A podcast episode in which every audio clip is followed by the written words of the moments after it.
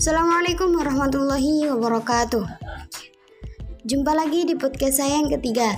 Kali ini saya akan membahas tentang aksiologi kewarganegaraan dan juga studi kasus mengenai salah satu dari subbab aksiologi kewarganegaraan. Aksiologi kewarganegaraan sendiri memiliki beberapa beberapa subbab, yaitu yang pertama adalah negara dan warga negara. Negara sendiri memiliki arti suatu organisasi yang berada dalam suatu wilayah yang memiliki kekuasaan untuk memaksa seluruh golongan yang berada di dalamnya, serta menetapkan tujuan hidup bersama.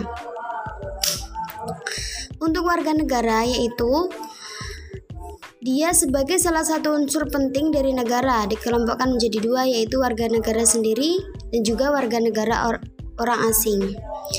Untuk yang kedua, yaitu adalah identitas nasional. Identitas adalah ciri-ciri khas atau tanda-tanda yang dimiliki dan melekat pada seseorang yang bisa menjadi pembeda dengan yang lainnya. Untuk sebab yang ketiga, yaitu ketahanan nasional. Ketahanan nasional bangsa Indonesia sendiri adalah kondisi dinamik bangsa Indonesia yang meliputi segenap aspek kehidupan yang integrasi, berisi keuletan yang mengandung kemampuan mengembangkan kekuatan nasional. Untuk yang keempat yaitu partisipasi politik. Partisipasi politik adalah salah satu aspek penting suatu demokrasi yang merupakan ciri khas dari modernisasi politik. Untuk yang terakhir yaitu hak asasi manusia. Asasi manusia merupakan hak yang melekat pada diri manusia sejak lahir yang berlaku seumur hidup dan tidak bisa diganggu gugat oleh siapa pun. Untuk pembahasan yang kedua, di sini saya akan membahas studi kasus mengenai hak asasi manusia. Melihat pelanggaran yang masih sering terjadi pada hak asasi manusia yang ada di negara kita ini, kita sangat perlu mengubah keadaan itu.